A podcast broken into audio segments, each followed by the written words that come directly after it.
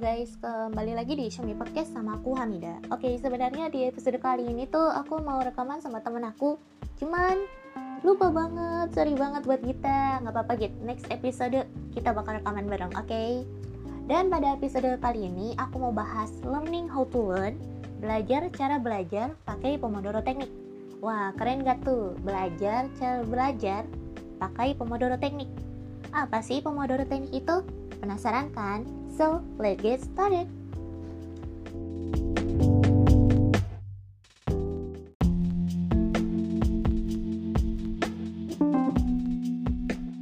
Oke, okay, back to the topic. Sebenarnya Pomodoro Teknik ini adalah sistem manajemen waktu. Jadi, ketika kita belajar dengan sistem Pomodoro Teknik ini nih, kita belajar dengan manajemen atau aturan waktu tertentu. Nah, eh, Pomodoro Teknik ini juga nggak dipakai buat belajar aja bisa buat ngerjain tugas terus kerja atau ngelakuin hobi juga bisa pakai Pomodoro Teknik ini. Dan sebenarnya Pomodoro Teknik ini juga sistem manajemen waktu yang berusaha melatih fokus kita. Oke langsung aja. Sebenarnya apa sih Pomodoro Teknik itu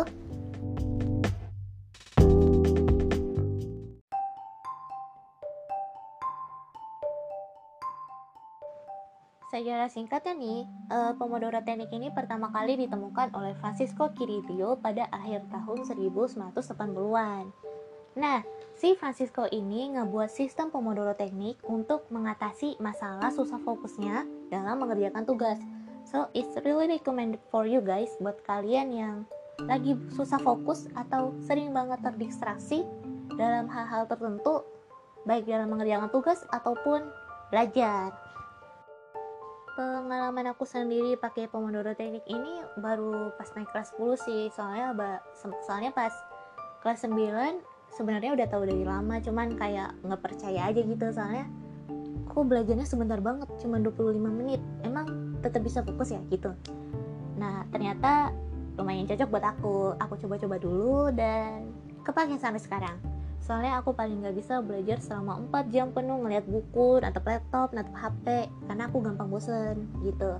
Dan uh, semenjak pakai Pomodoro Tetik ini energi yang aku keluarkan juga lebih stabil dan mental aku juga nggak kena pressure banget. Jadi lebih termanajemen juga dan aku bisa lebih fokus juga dalam belajar ataupun mengerjakan tugasku Lalu sebenarnya bagaimana sih konsep manajemen waktu si Pomodoro Teknik ini? Eh, sebelumnya aku nggak sengaja keceplosan, langsung aja kita jelasin ya. Eh, konsep Pomodoro Teknik ini yang dibuat oleh Bapak Francisco, beliau memasang timer waktu selama 25 menit untuk fokus dan 5 menit untuk istirahat. Jadi simpelnya gini, kalian pasang pasti punya timer di HP dong. Pasang selama 25 menit. Terus pas selama 25 menit itu kalian benar-benar fokus fokus sama tugasnya dan nanti ada jeda waktu selama 5 menit untuk istirahat. Nah, jeda waktu itu bisa kalian pakai buat denger lagu atau do something what you like to do in that time gitu. Emang bisa ya benar-benar fokus selama 25 menit kayak gitu? Jujur, enggak. Ya, it's totally normal karena otak kita tuh switch ke sana, switch ke sini. Nanti satu menit fokus ke sana, satu menit uh, ke distraksi kepikiran ini dan lain sebagainya. Dan itu normal banget. Lagi pula fokus kita juga bisa dilatih gitu guys. So it's totally fine kalau tiba-tiba kita terbiasa nggak nggak terbiasa sama sistemnya kayak 25 menit. Kok sama 25 menit ini aku masih susah fokus ya dan lain sebagainya. Dan Gimana nih kira-kira antisipasi yang bisa kita lakukan ketika ada distraksi yang datang baik dari pikiran kita ataupun dari eksternal kita selama pomodoronya itu berjalan. Oke, okay, uh, eh, hal yang biasanya aku lakukan tuh aku kan nyiapin kertas ya. Nah, setiap aku mau ngerjakan tugas atau mau belajar, aku taruh uh, kertas kosong di sampingku. Nah, nah ketika ada pikiran yang berisik atau dari apa pun itu gangguan yang aku rasakan di internal, aku tulis di situ. Jadi jangan hindari uh, pikiran kita jangan kayak menolak kalau kita terganggu atau kita maksa diri kita untuk fokus. Nggak apa-apa pertama tarik nafas dulu terus tulis gangguan apa yang ada di pikiran kamu gitu. Dan setelah aku nulis itu ya pikiran aku jadi lebih nggak berisik banget karena yang berisiknya udah ditaruh di kertas.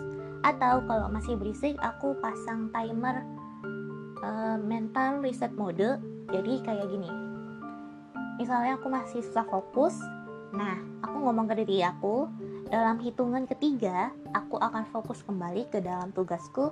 Setelah itu, aku akan melakukan hal-hal yang ingin aku lakukan saat ini.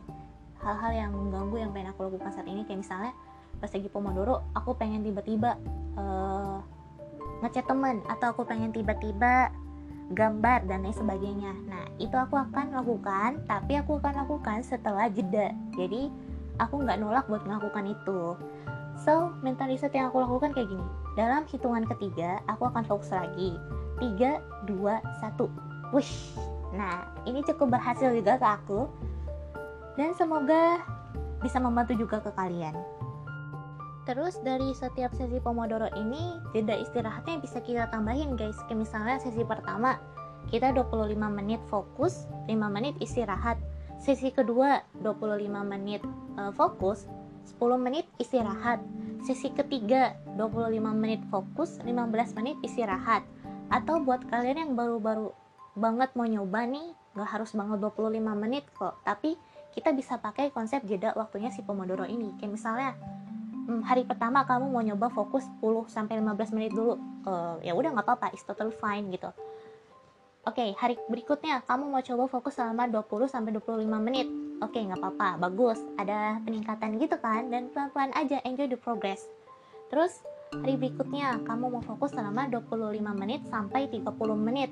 Seharusnya sampai 2 jam atau 2 jam atau sampai senyaman kalian. Pokoknya jangan don't be hard to yourself yang penting kalian bisa nyaman dan bisa menyelesaikan tugas itu seefisien mungkin dalam uh, manajemen waktu yang lebih teratur juga gitu dari beberapa video lecture yang aku lihat di YouTube tentang produktivitas, uh, pengambilan istirahat atau jeda itu sama pentingnya dengan kegiatan itu sendiri. Jadi misalnya nih ya, kita awal mula tuh langsung belajar selama 4 jam tanpa jeda terus kita benar-benar maksa diri kita tuh untuk fokus ke ada jeda istirahat kayak misalnya selama 2 menit atau 3 menit lah Nah, di situ aku lihat ada penggambaran kurva gitu. Nah, kurvanya ini pertama dia tuh tinggi banget kebuka ke eh terbuka ke bawah.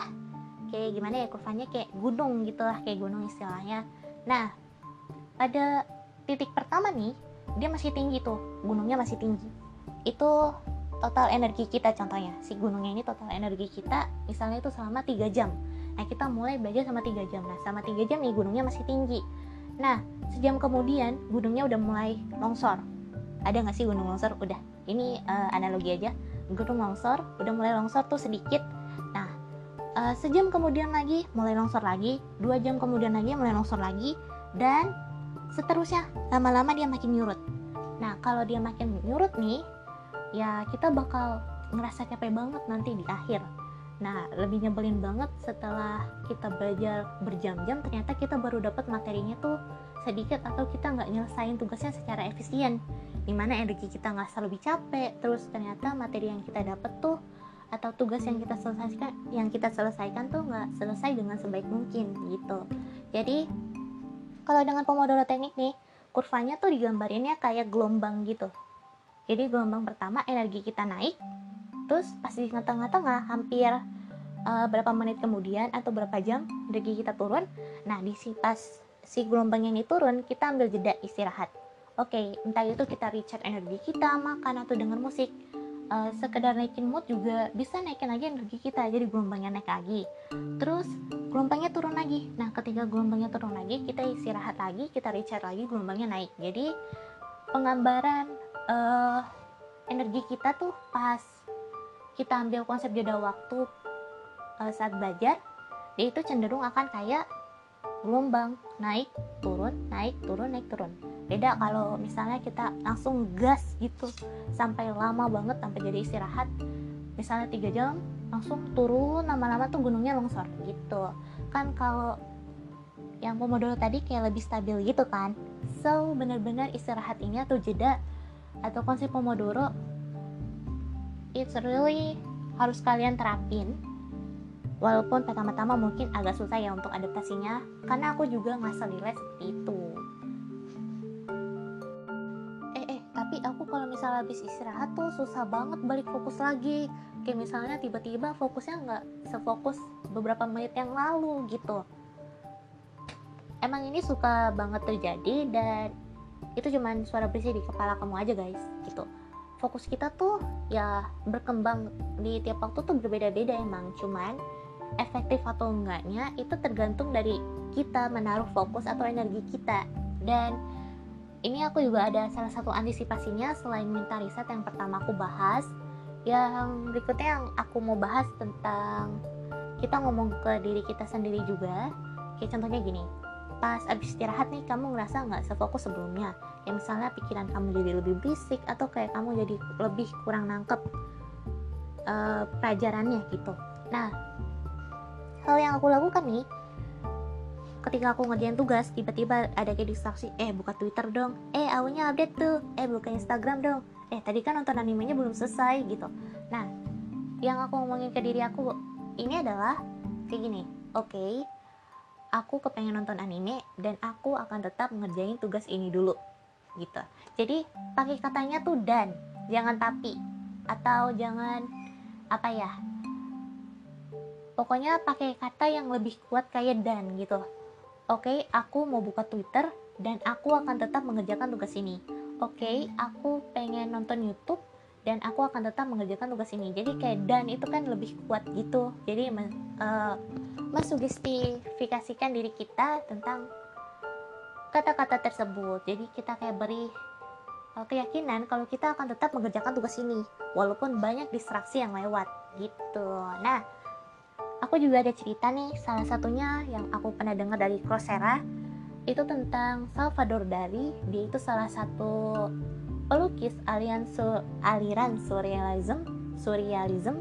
Nah, si Salvador Dali ini pas dia mau balik fokus lagi kayak habis capek atau ngapain. Nah, dia itu ada ritual unik gitu, guys. Jadi, dia nih ambil kunci atau gelas gitu aku lupa. Dia pegang di tangannya gini. Nah, dia duduk.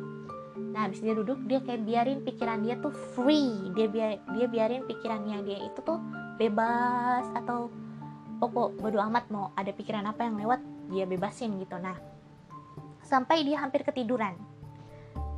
Nah ketika dia hampir ketiduran tuh nanti kuncinya tuh kan jatuh ya karena gara-gara tangannya udah lemes kan. Nah, pas kuncinya jatuh plang dia bangun. Oke pas di situ pikiran dia udah ngerasa lebih fresh dan kayak pikiran dia tuh udah lebih relax gitu. Nah dari situ dia mulai lanjut ngelukis lagi dengan ide-ide hebatnya. Nah, dari sini apa yang mau aku simpulin? Jadi, bukan maksudnya kita harus uh, jatuhin kunci dulu ya buat fokus, tapi kita bisa ngikutin cara dia, cara dia untuk merilekskan pikiran kita dulu. Kayak misalnya uh, kita capek banget ya habis tugas tapi kita belum belajar ya udah relax aja dulu nggak apa-apa kayak misalnya duduk sebentar dengerin musik atau biarin pikiran kalian tuh di reduce gitu nah abis itu kalau mau tidur dulu juga nggak apa-apa gitu.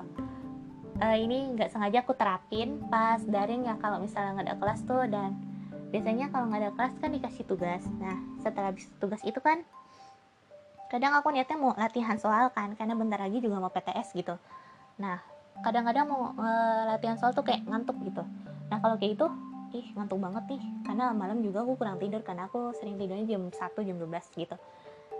Eh kayak pas lagi soal aduh ngantuk banget nih mau mulai. Tidur dulu apa kali ya setengah jam? Ya udah aku biarin tidur dulu nah, setengah jam. Nah pas udah gitu pas udah tidur pikiran aku jadi lebih fresh kayak lebih siap nangkep lagi gitu. So nggak apa-apa ambil relax dulu baru belajar. Dan relax di tengah-tengah belajar juga nggak apa-apa gitu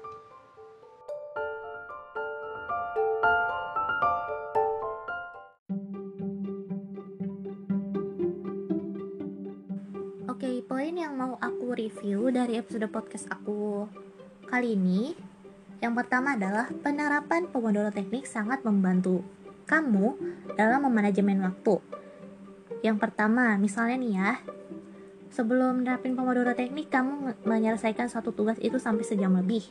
Nah, ketika kamu pakai Pomodoro Teknik, di mana kamu selama 25 menit harus fokus ke tugas tersebut, ternyata tugasnya nggak kurang dari kurang dari sejam tuh udah selesai gitu nah yang kedua pengambilan jeda dan istirahat itu sama pentingnya dengan kegiatan itu sendiri. Selain membuat energi kita lebih stabil, ini akan membuat kita lebih care ke diri kita dan memberi reward ke diri kita. Dan don't be hard to yourself. Terus yang ketiga, mem membiarkan pikiran kita rileks terlebih dahulu sebelum memulai sesuatu. Nah, selain membuat pikiran kita jernih, hal ini akan membuat kita lebih siap untuk menerima apa yang akan kita pelajari. Oke, okay. nggak kerasa nih ya udah berapa menit nih aku ngomong sama kalian. I hope you enjoy this podcast dan semoga kalian bisa mengambil hal-hal positif dari apa yang aku bahas barusan. Pokoknya jangan takut untuk mencoba. And you are the best just the way you are. Kalian udah berani mencoba besok, kalian udah hebat banget. I'm really proud of you. Maaf, Rip English. Oh ya, di next episode kan aku mau bahas bareng nih yang ngobrol bareng sama temen aku. Nah, di next episodenya aku bakal bahas tentang journaling. Di mana si journaling ini ngebantu habits aku banget uh, untuk develop my memory sama meningkatkan emotional intelligence aku. So, see you in the next episode. Bye-bye!